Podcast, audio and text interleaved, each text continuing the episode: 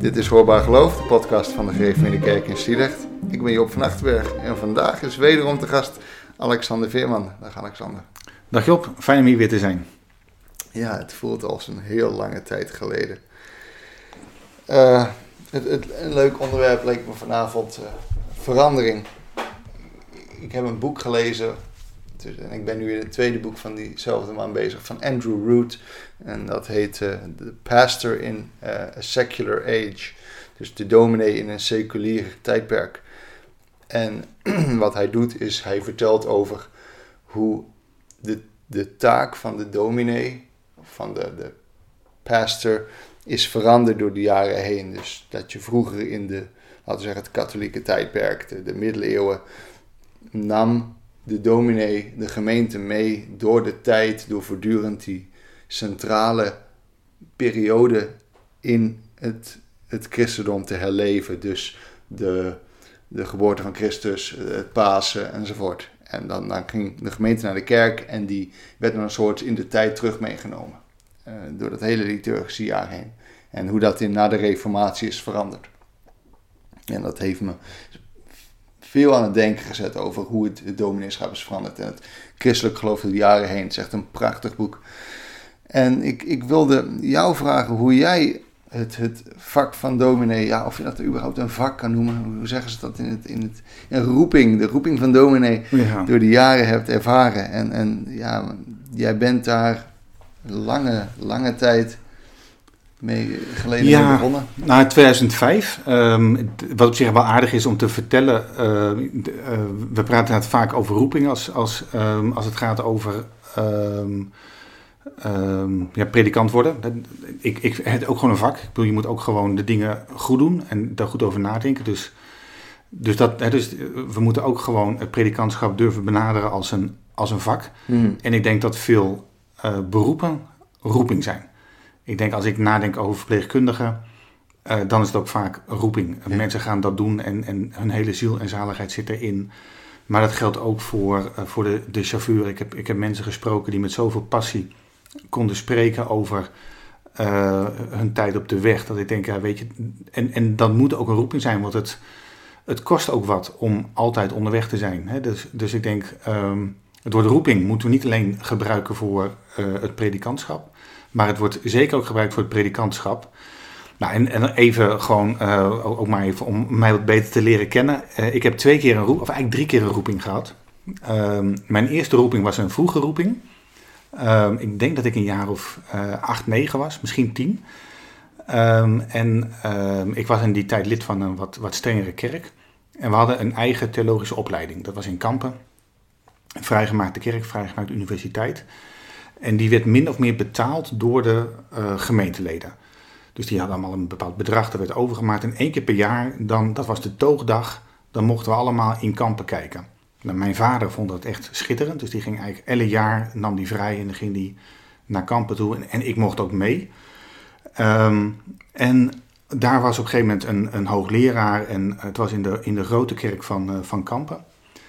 En die bad toch of de Heere God jongetjes bereid wilde maken om uh, predikant te worden. Wow. En toen dacht ik, ah, dat gaat over mij. Ja. en um, dus toen zei, kwam ik thuis, hè, ik wil dominee worden. En uh, dat, dat was niet helemaal, uh, mijn ouders die dachten niet dat dat echt was.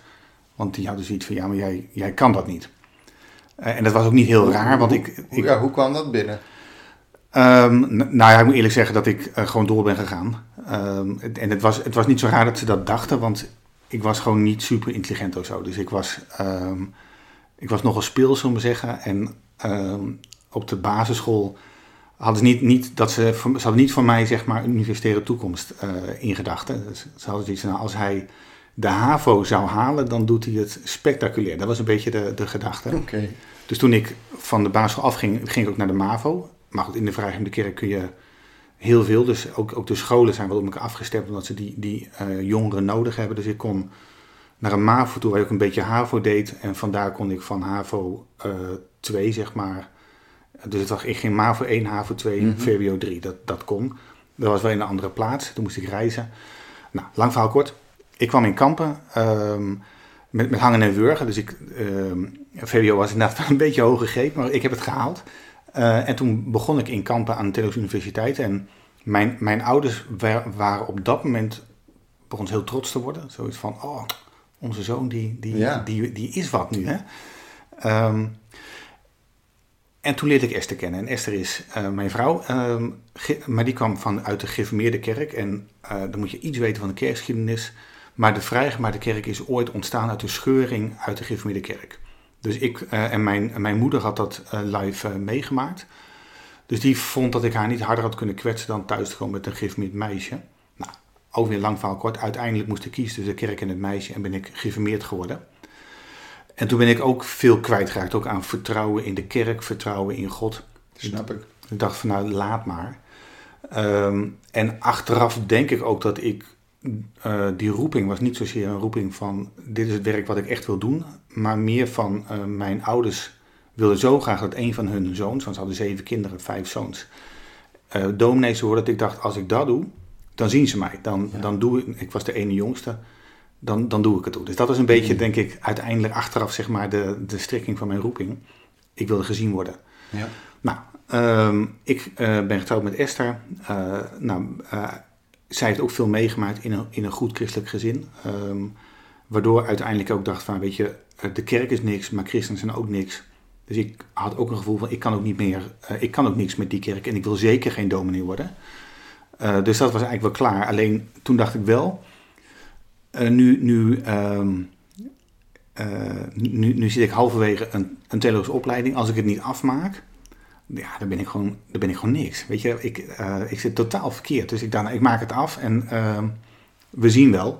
Nou, toen schreef ik een scriptie en die viel op. En toen vroeg eh Ruud Gansvoort, waar ik later ook bevriend mee ben geworden, van joh, zou je niet misschien willen promoveren? En nou, toen heb ik gesolliciteerd en ik kwam binnen eh, als AJO. Toen heb ik een, een, een onderzoek gedaan naar misbruik en kerk. Ik weet niet wat een AIO is. Eh assistent van opleiding, dat is een, een functie waarin je onderwijs en onderzoek combineert, maar vooral onderzoek. Dus ik had, ik had vijf jaar de tijd om eh 80% eh, onderzoek te doen. Ehm, en, eh, en ik heb een boek geschreven. Dus eh, ja, nou goed, dat hoort bij. Dat, dat is een dissertatie. Dus, ehm, maar dat gaf mij, eh, de, de Esther werd in die tijd dominee. Ehm, en in die tijd was ik echt anti, ja, heel veel anti. Maar, maar ik vond kerk ook echt waanzin. Maar daar ben ik heel langzaam weer een soort van tot rust gekomen. En een van de dingen die mij toen heel erg geholpen heeft, was dat ik een vriend had, uh, dus. En die zei tegen mij, joh, je bent altijd maar aan het strijden en aan het praten over God. Volgens mij geloof je enorm, want ik ken weinig mensen die zoveel over God praten als jij. Alleen je hebt geen idee hoe. Nou, en dat was voor mij een, een eye-opener. Dat ik dacht van, oké, maar als God dan bestaat, in deze werkelijkheid met deze rotzooi, dan heb ik een groot probleem als God niet bestaat. Maar eh, laat ik het erop wagen. Dus toen ben ik, toen ben ik eigenlijk begonnen om te bedenken, ja, misschien geloof ik wel. Uh, en, ehm, um, en toen kwam op een gegeven moment ook um, iets van rust in mijzelf. En dat is ook wat, je, wat jij ook soms wel herkent. Uh, um, iets van, van, ik leef niet te vergeefs. Uh, en dat gaf een bepaalde rust. Ik, ik, er kwam ook een woord als hoop naar boven. Dat op een of andere manier, uh, door weer te geloven, dacht ik van, in al die rottigheid die ik meemaak, ben ik op de een of andere, niet, op de een of andere manier niet alleen. Um, en die rottigheid heeft ook niet het laatste woord. Dat is niet uh, wat het leven is. Het leven is meer dan dat. En um, doordat ik kennis heb aan God, weet ik ook zeker dat het anders zal kunnen zijn. Nee, dat het anders zal zijn. En um, ja, dat werd eigenlijk mijn motivatie, mijn tweede roep. En ik dacht van daar wil ik van vertellen. Van die hoop wil ik getuigen. En dat heeft alles te maken met God, dat heeft alles te maken met Jezus. Nou ja, toen ben ik in 2005 uh, predikant geworden. En in uh, 2014 ben ik naar uh, mijn tweede gemeente gegaan. Nou, daar was ook, ook, ook wat, um, had, ik, had ik veel ja, moeite om mijn draaigoed te vinden, ook, ook naar de landelijke kerk toe. En dat had ook veel te maken met, met uh, ik, ik, ik, ik heb, denk veel na over misbruik mm -hmm. en kerk. En ik had gewoon heel sterk het, het, gevoel, niet het gevoel, ik ontdekte dat daar veel te weinig aandacht voor was. En dat mijn, ja, ik was een roepen in de woestijn en op een gegeven moment dacht ik, ja. Misschien moet ik ook gewoon stoppen met de kerk. Dat, dat, um, ik ben daar niet op mijn plek. Dat was een beetje wat ik, wat ik op een gegeven moment ging denken. En toen kwam, uh, toen heb ik overwogen om een andere functie te kiezen buiten de kerk. Ehm, en daar was ik best wel een eindje mee op weg. En toen kwam Sliedrecht langs. En dat is zeg maar mijn derde roeping. Ehm, en ik ben eigenlijk opnieuw begonnen. En ik ben hier ook begonnen om een toga te dragen. Eh, en dat heeft ook iets te maken met. ehm, een, een toga is liturgisch kleed. Hmm. Eh, tot, tot die tijd preekte ik gewoon in een pak. Ehm, maar op de een of andere manier wilde ik ook in mijn. ehm, in mijn vorm van acceptatie. nou, meer misschien het, het, na het accepteren. Iemand zei tegen mij: Je bent als predikant ook ambtsdrager. Het, het, het is een ambt. Een van, je hebt in de kerk drie ambten: diaken, ouderling, predikant. En dat ambt draagt jou en beschermt jou. Dus het is een, het is een roeping. Hè? Dus je, je, je, je, je staat in dienst van God. Een, een, een predikant is niet iets hoogs, maar is een dienaar en, en een ceremoniemeester. Ehm, en ehm, dat ambt, dat draag je ook. Dus op het moment dat jij gewoon moe wordt, het niet ziet zitten, dan mag je ook bedenken, ja maar wacht even, ik sta wel in dienst van God en ik mag het ook van hem verwachten. Het is niet mijn kerk, het is de kerk van Jezus Christus. Nou, Mhm. dat zeg maar. En dus toen ik eigenlijk mijn derde roeping had, om het zo maar te zeggen, toen dacht ik, ik moet me, dat, ik moet me ook in die zin, eh, dat ook in mijn kleding laten zien. Dus ik, eh, het liturgisch kleed, de toga, vertelt mij, eh, let op, ehm, je staat in dienst van God.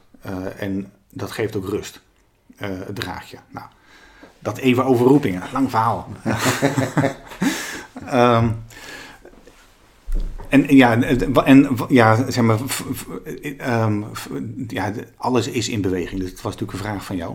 Ehm, en ook de kerk is volop in beweging. En wat ik zelf ingewikkeld vind, zeker van de protestantse kerk, is dus dat je eigenlijk altijd tegen een soort eh ja, secularisatiespook aankijkt. Hè? Dus de, we verliezen weet ik hoeveel leden eh, per jaar hè, als, als, als landelijke kerk, als land- landelijke protestantse kerk.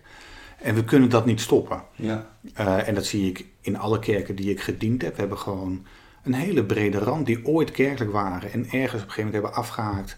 En ik zie ook heel veel jonge mensen die ehm, heel betrokken en bewogen zijn, maar dan of kiezen voor niet kerkelijk of voor eh, een ander soort kerk. Ehm, het, het zij zo. Ehm, dus de- ik kom dan straks nog op terug, denk ik. Ehm, het, doel van het predikantschap is niet om zoveel mogelijk mensen in de kerk te krijgen. Maar je hebt wel, kijk, het, het is makkelijker als ik bijvoorbeeld mijn, mijn emeritus-collega's wel eens, eh, emer- eh, emeritus, dat is iemand die met pensioen is gegaan. Als ik een emeritus hoor, hè, dan zeggen ze ja, we hadden kerken en dan zaten ze op de trappen van de preekstoel. Nou, die tijden maken wij niet mee en dat gaat ook niet meer komen. Ehm, Dat zeg je met overtuiging. Ja, omdat de kerk verandert. Eh, en, en, en dat is prima. Eh, het- gaat niet meer om aantallen. Het gaat om. Ik denk dat we. Nou, la- laat ik dan maar Ja, gelijk. want de vervolgvraag is, waar gaat het dan wel om? ja, de- laat, ik, laat ik dit zeggen. En dat heeft te maken met Tom Wright, ehm, een, een Engelse auteur. Tom Wright die zegt: We hebben heel lang gedacht dat de kerk ging over hemel en hel. In de kerk. ehm, wij moesten ervoor zorgen dat mensen kennis kregen aan God en dus aan de hemel. En dat ze de juiste keuze maakten. Nou, dan, daar word je moe van. Want eh, je kan nooit iedereen jouw kant op bewegen. Sterker nog, uiteindelijk kun je niemand jouw kant op bewegen, want je hebt geen invloed op die ander. Je kan ar- beargumenteren en die ander maakt zelf zijn afwegingen. Geloof kun je niet geven. Geloof is een geschenk van God. Dus ehm, op het moment dat het taak van de kerk is om mensen eh voor te sorteren en in de hemel te krijgen, ja, dan zijn we ehm, niet goed bezig. We lopen leeg. Tom Wright zegt, maar dat is ook helemaal niet het plan. Eh, God gaat over het oordeel enzovoort. Dus wat wij als kerk moeten laten zien. ehm, even voor de mensen die, die luisteren op dit moment. Er is in, in, in de studio een, een poes en die gaat nu eh, meepraten. Dus als je wat geluid hoort, dan is het de poes. Die verwacht dat er een schoot is. Maar... Ja. Ehm, Tom Wright zegt, ehm, waar het eigenlijk in de kerk om gaat is, wees beelddrager van God. De kerk heeft als enige taak, en dat is eh, groot en dat is ook niet, maar dat is ook zeg maar behapbaar, laat zien wie God is. Ehm, en daar hoeven we geen eh, duizend mensen voor in de kerk te hebben, tien is genoeg. Ehm, wees beelddrager van God en dat betekent dat we laten zien dat we niet in angst hoeven te leven, maar dat we kennis hebben aan de vrijheid. Het betekent dat we niet vast hoeven te lopen in haat en bitterheid en eh, in, in afgunst, maar dat we iets hebben opgedaan aan de liefde die we willen doorgeven. En het betekent dat we ontdekt hebben dat we niet voor onszelf leven, maar altijd in relatie staan. Ja. En die drie dingen, ehm, eh, de liefde, in relatie staan en de vrijheid, dat is iets van God wat, eh, zeg maar, op het moment dat wij beeld dragen van God zijn, wil niet zeggen dat God op ons lijkt, maar dat wij in die drie punten iets van God mogen laten zien. Vrijheid, liefde, een relatie. En als wij als kerk dat laten zien, dan zijn we tot zegen van het dorp. Of van de, van de wijk of van de stad. En dan gaat het niet meer om het aantal, dan gaat het gewoon om laat maar zien wie God is. Nou, dat, dat geeft ook een beetje lucht. Dus dat is voor mijzelf, dus in mijn, mijn visie op kerk, is dat een belangrijke verandering. Ja, ja, dus, dus dat is. Dat doet me denken aan de tekst die we recent bespraken op de preek-app over eh, handelingen. Dat ze in, in, in vreugde samenkwamen, samen aten in, in die huiselijke omgeving. Ja. Dus dat relationele stond er ook voor op. Ja, ja nee, klopt. Ja. En, en zeg maar de, de zorg voor elkaar, maar ook voor de mensen buiten je eigen kringetje. hè. Dus, Ja. dus het, het gaat ook altijd naar buiten toe. Het kan nooit, het kan nooit alleen maar binnen blijven. Uh, dus dus, dus dat, dat is zeg maar een belangrijke verschuiving in mijn eigen denken, uh, wat mij ook rust geeft. En daarom word ik ook niet overspannen uh, als ik nadenk over de toekomst van de kerk. Ik denk dat wij kunnen groeien. Ik, ik geloof dat wij in, uh, in de Gereformeerde Kerk, PKN, ehm, ja, zeg maar een, een gemeenschap hebben die de moeite waard is om, om deel van uit te maken. En ik denk dat wij een verhaal te vertellen hebben waar heel veel mensen van kunnen opknappen. Um, dus ik, ik denk dat we best kunnen groeien. Maar ik weet ook dat op dit moment uh, een, een, heleboel mensen hebben die niet meer zo betrokken zijn. Dus die zullen op enig moment ook misschien andere keuzes maken. Maar goed, ik heb daar toch niet, uh, zeg maar, het is niet mijn, mijn uh, ik heb er geen invloed op. Dus de ander maakt de keuze. Ik kan een ander daarin niet veranderen. Ik kan alleen vertellen wat ik denk, wat het evangelie betekent en waarom het belangrijk voor mensen kan zijn. Ja, ja, ja. Dus je, het transcendente blijft erin van toepassing. Ja, altijd. Kijk, kerk gaat altijd over God. He, dus je, je kan niet, want anders ben je. Er, er, is ook, dat is wel interessant. Er is een. Um, ja, ook volgens mij een, nu een beweging. Um, maar die geloven niet in God, maar die zoeken wel een soort kerk zijn. Uh, en dat is, dat is ook interessant. Dus, dus gemeenschappen zijn ook belangrijk. De Sunday Assemblies? Wat zijn? Uh, Sunday Assemblies? Ja, zou kunnen. Amerikaanse, ja, je hebt het, uh, het apostolische gemeenschap, maar... Nee, dat bedoel ik niet. Nee, nee. Maar maakt niet uit. Dus ik ben het, maar, het is, maar, maar ik denk wel, zeg maar, uh, voor, voor het beeld wat ik van kerk heb. Uh, ik, zo begin ik altijd de preek, gemeente van onze Heer Jezus Christus. Um, we zijn niet van onszelf, we zijn van Jezus. Dus in, um, in hoe wij samenkomen, in wat wij laten zien, zijn we ook lichaam van Christus. En daarmee zijn we verbonden met uh, de kerk in Azië, met de kerk in Amerika, uh, met, met, met alle ingewikkeldheden ook, zeg maar. Mm. de kerk in Afrika, de kerk in Rusland. Um, de kerk van 2020, maar ook de kerk van, van 30, 35 na, na Christus. Dat is het lichaam van Christus. En daar maken we onderdeel van uit. Dus dat is transcendent. En het is ook de hoop die op ons toekomt, die ons voedt. Het, is, uh, het komt niet van onszelf, maar het komt op ons toe.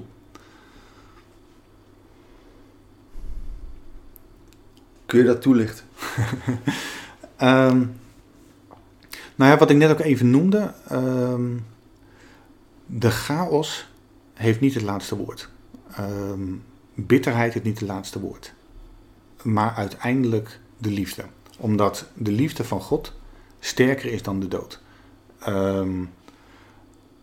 dus de, de, de, machten van het kwaad hebben, uh, zijn uiteindelijk ondergeschikt aan de kracht van de liefde. Um, en als je nadenkt over hoop, uh, heel vaak zeggen we, we hopen op dat iemand beter wordt of dat we misschien een keer de, de loterij winnen. Ja. Maar dat is geen echte hoop. Um, ik, ik, heb er eerder over verteld uh, in, in een eerdere podcast. He, dat er, een, dat er een, een, een, arts was die ontdekte dat zijn patiënten op het moment dat ze terminaal werden, uit een andere uh, uit een ander vaatje gingen tappen. Dus dat er een bepaalde hoop was, waardoor hun leven zinvol was. En uh, hoewel het ging aflopen. En waarin ze rust vonden uh, en ook zeg maar, het perspectief helder hadden van, van waar, waar, waartoe ze leefden. En daar konden ze ook van vertellen. Dus die hoop is groter dan noem het leven en sterven.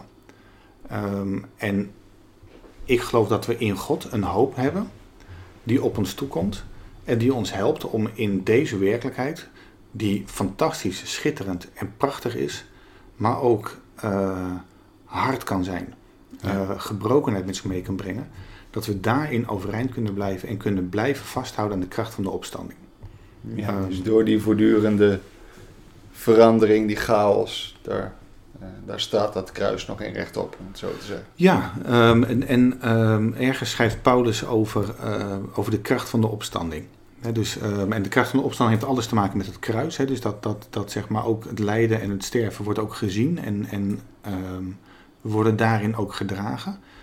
Maar we kunnen nu in dit leven ook de kracht van de opstanding uh, ervaren. Dus dat we verrassend genoeg overeind blijven. Terwijl we dachten van daar hebben we de kracht niet voor. Dat, dat kunnen we helemaal niet. Maar het is toch gebeurd. Het lukt. Ik zie het bij mensen die voor rouw zijn komen te staan. Of voor eh, een chronische ziekte. Of um, nou ja, veranderende omstandigheden. Maar daarin zeg maar hun anker vonden. Een, hun houvast. Nou, dat, dat, en ik denk dat de kerk als gemeenschap daarin ook een dragende factor kan zijn. Uh, en daarom hecht ik waarde aan de kerk. Hè. Dus um, op het moment dat je alles zelf moet doen, dus um, stel je voor je verliest iemand die je lief en dierbaar is. En jij moet in je eentje je verhouden met dat verlies, dan is dat, dan is dat zwaar. En je kan soms niet de hoop vasthouden, dat lukt gewoon niet. Op het moment dat je onderdeel bent van een gemeenschap, dan word je in die gemeenschap gedragen. Als je zelf niet kunt bidden, dan bidden anderen voor jou. Als jij zelf niet kunt zingen, dan zingen anderen voor jou. En dat is de kracht van de gemeenschap. En daarin ben je lichaam van Christus. iemand lijdt, maar wij dragen het leed met ons mee. En zo dragen we het samen. Iemand heeft vreugde en wij worden blij hmm. door die vreugde. Ja. En zo, zo dragen we elkaar. Ja, ja, ja. ja. Ik, heel mooi. Ja, ik, ik, sorry, ik ga nu in mijn hoofd allerlei andere dingen die ik ermee kan verbinden, maar dat zal ik maar niet doen. Ik wil nog even teruggaan naar verandering. Want we hebben nu best wel een, lange periode van verandering gehad. Maar we hebben nu door, uh, door het COVID-19-virus in een korte periode heel veel verandering meegemaakt.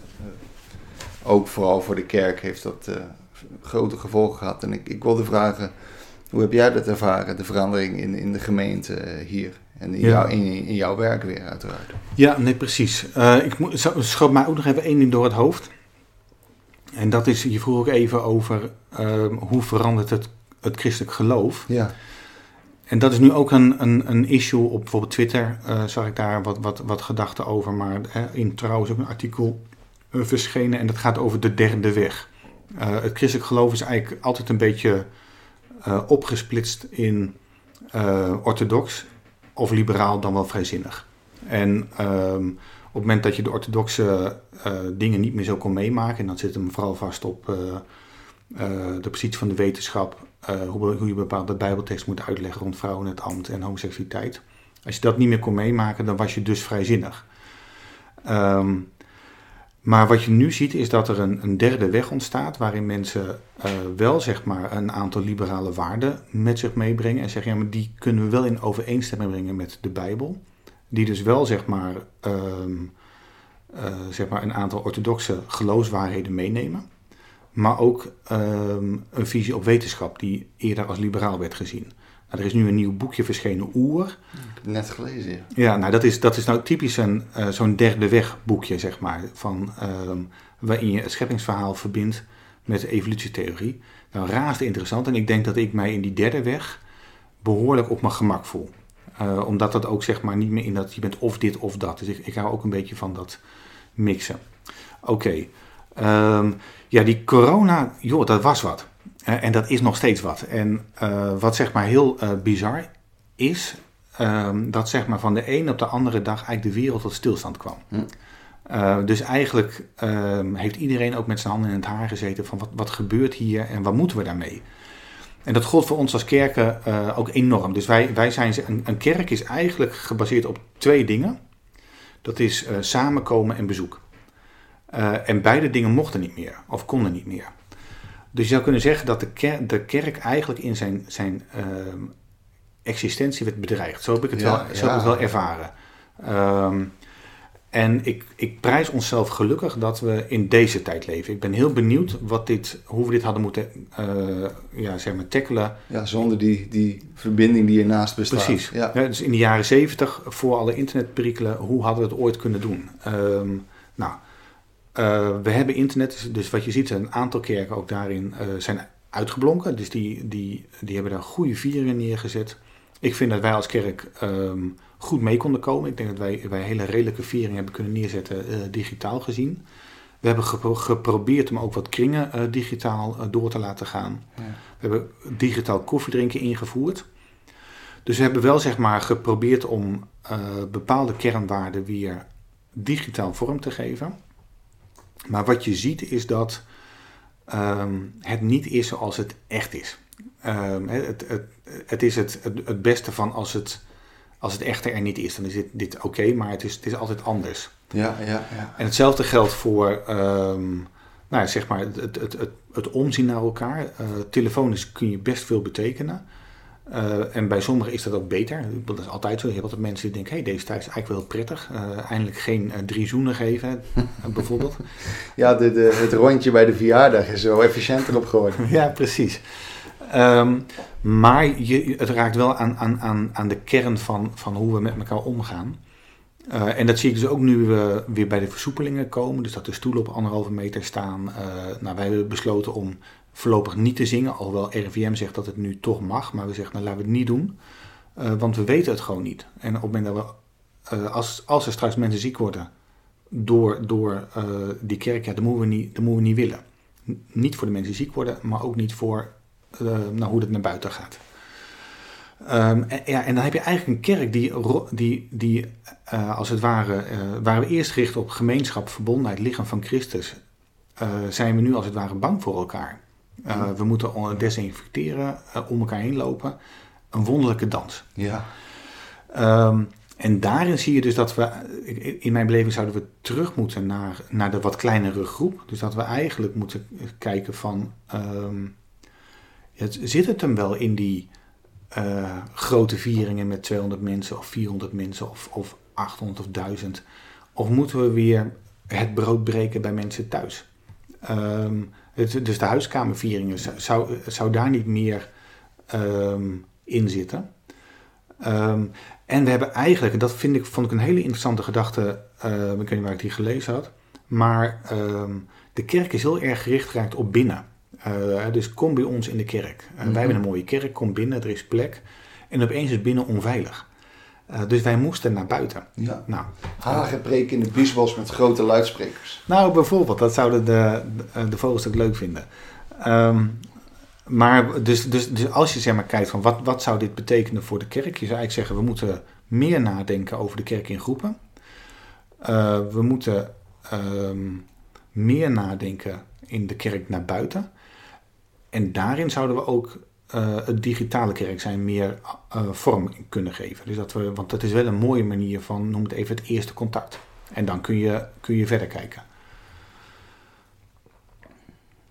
Dus weer dat huis van de vader met vele kamers. Nou, bijvoorbeeld, ja. Dus, dus daar zit, zeg maar, dat we hebben, we hebben een, een, een slag gemaakt in digitaal kerk zijn, denk ik. Ja. En eh, mijn grootste zorg is dat we nu allemaal roepen, we moeten terug naar vroeger. Ik denk, we moeten niet terug naar vroeger, we moeten vooruit naar straks. En dat is nu al begonnen. Eh, en dat heeft ermee te maken van, eh, het, uiteindelijk, het begint bij waar sta je voor? Wat is die hoop waar je van getuigt? Wie is Jezus voor jou? Dat, dat is de kern. Het lichaam van Christus. Ehm, en dat kun je het beste vertellen in de kleinere groepen. En, de, en die kleinere groepen zijn ook uitnodigender. Ja. Want dan kun je ook mensen persoonlijker eh, aanspreken en, en persoonlijker bevragen. Ja, het enige wat, waar, wat mij daarin een beetje zo aan verremmen is, is dat je geen silo-vorming krijgt. Dus dat je niet, niet soort echokamertjes krijgt waar mensen dan met elkaar één zijn. En, en dat, je, dat je ook nog, dat die groepen wel met elkaar Ja, precies. in, in communicatie blijven. Ja, Want het, het mooie van die kerk vind ik juist dat je er met allerlei mensen zit waar je het waarschijnlijk op heel veel vlakken helemaal niet mee eens bent. nee. En misschien anders ook niet mee om zou gaan. Maar je komt daar onder dat gedeelde verhaal. En ik, ik hoop dat, dat, dat we dat kunnen houden. Nou, dat is een belangrijk punt. En dat is beslist waar. Dus de kerk is, is een uitermate wonderlijke gemeenschap. En ik denk altijd maar, het zijn mensen die ik zelf nooit uitgekozen zou hebben. Ja. Uh, maar we zitten er en we zijn aan elkaar gegeven. Uh, en het is een enorme verrijking. Uh, je leert waanzinnig veel van elkaar. Uh, en en rijken zitten naast armen, jong en oud. En, en, alles loopt door elkaar heen, zeg maar. Geen Griek, geen slaaf. Ja. Precies, ja. ja. Dus, de, dus daarin is de kerk uniek en, en, en heeft ook blijvende waarde. Ja, ik denk dat dat een, een mooie is om. Ik denk dat hier nog meer over te vertellen is, maar dat we hem voor nu stoppen en misschien nog hier een volgende keer verder over praten. Ja, dat is goed. Alexander, ik vond u vreselijk fijn om uh, hier uh, ja, je achter de microfoon te plaatsen. Ja, nog even uh, tot slot, Job. Ja. Um, we gaan met vakantie. Dus we, we, we ehm, gaan de podcast voor de maanden juli en augustus verder stopzetten. Deze is de laatste van, van voor de vakantie. En we gaan elkaar terug horen in september. Tot dan. Tot ziens.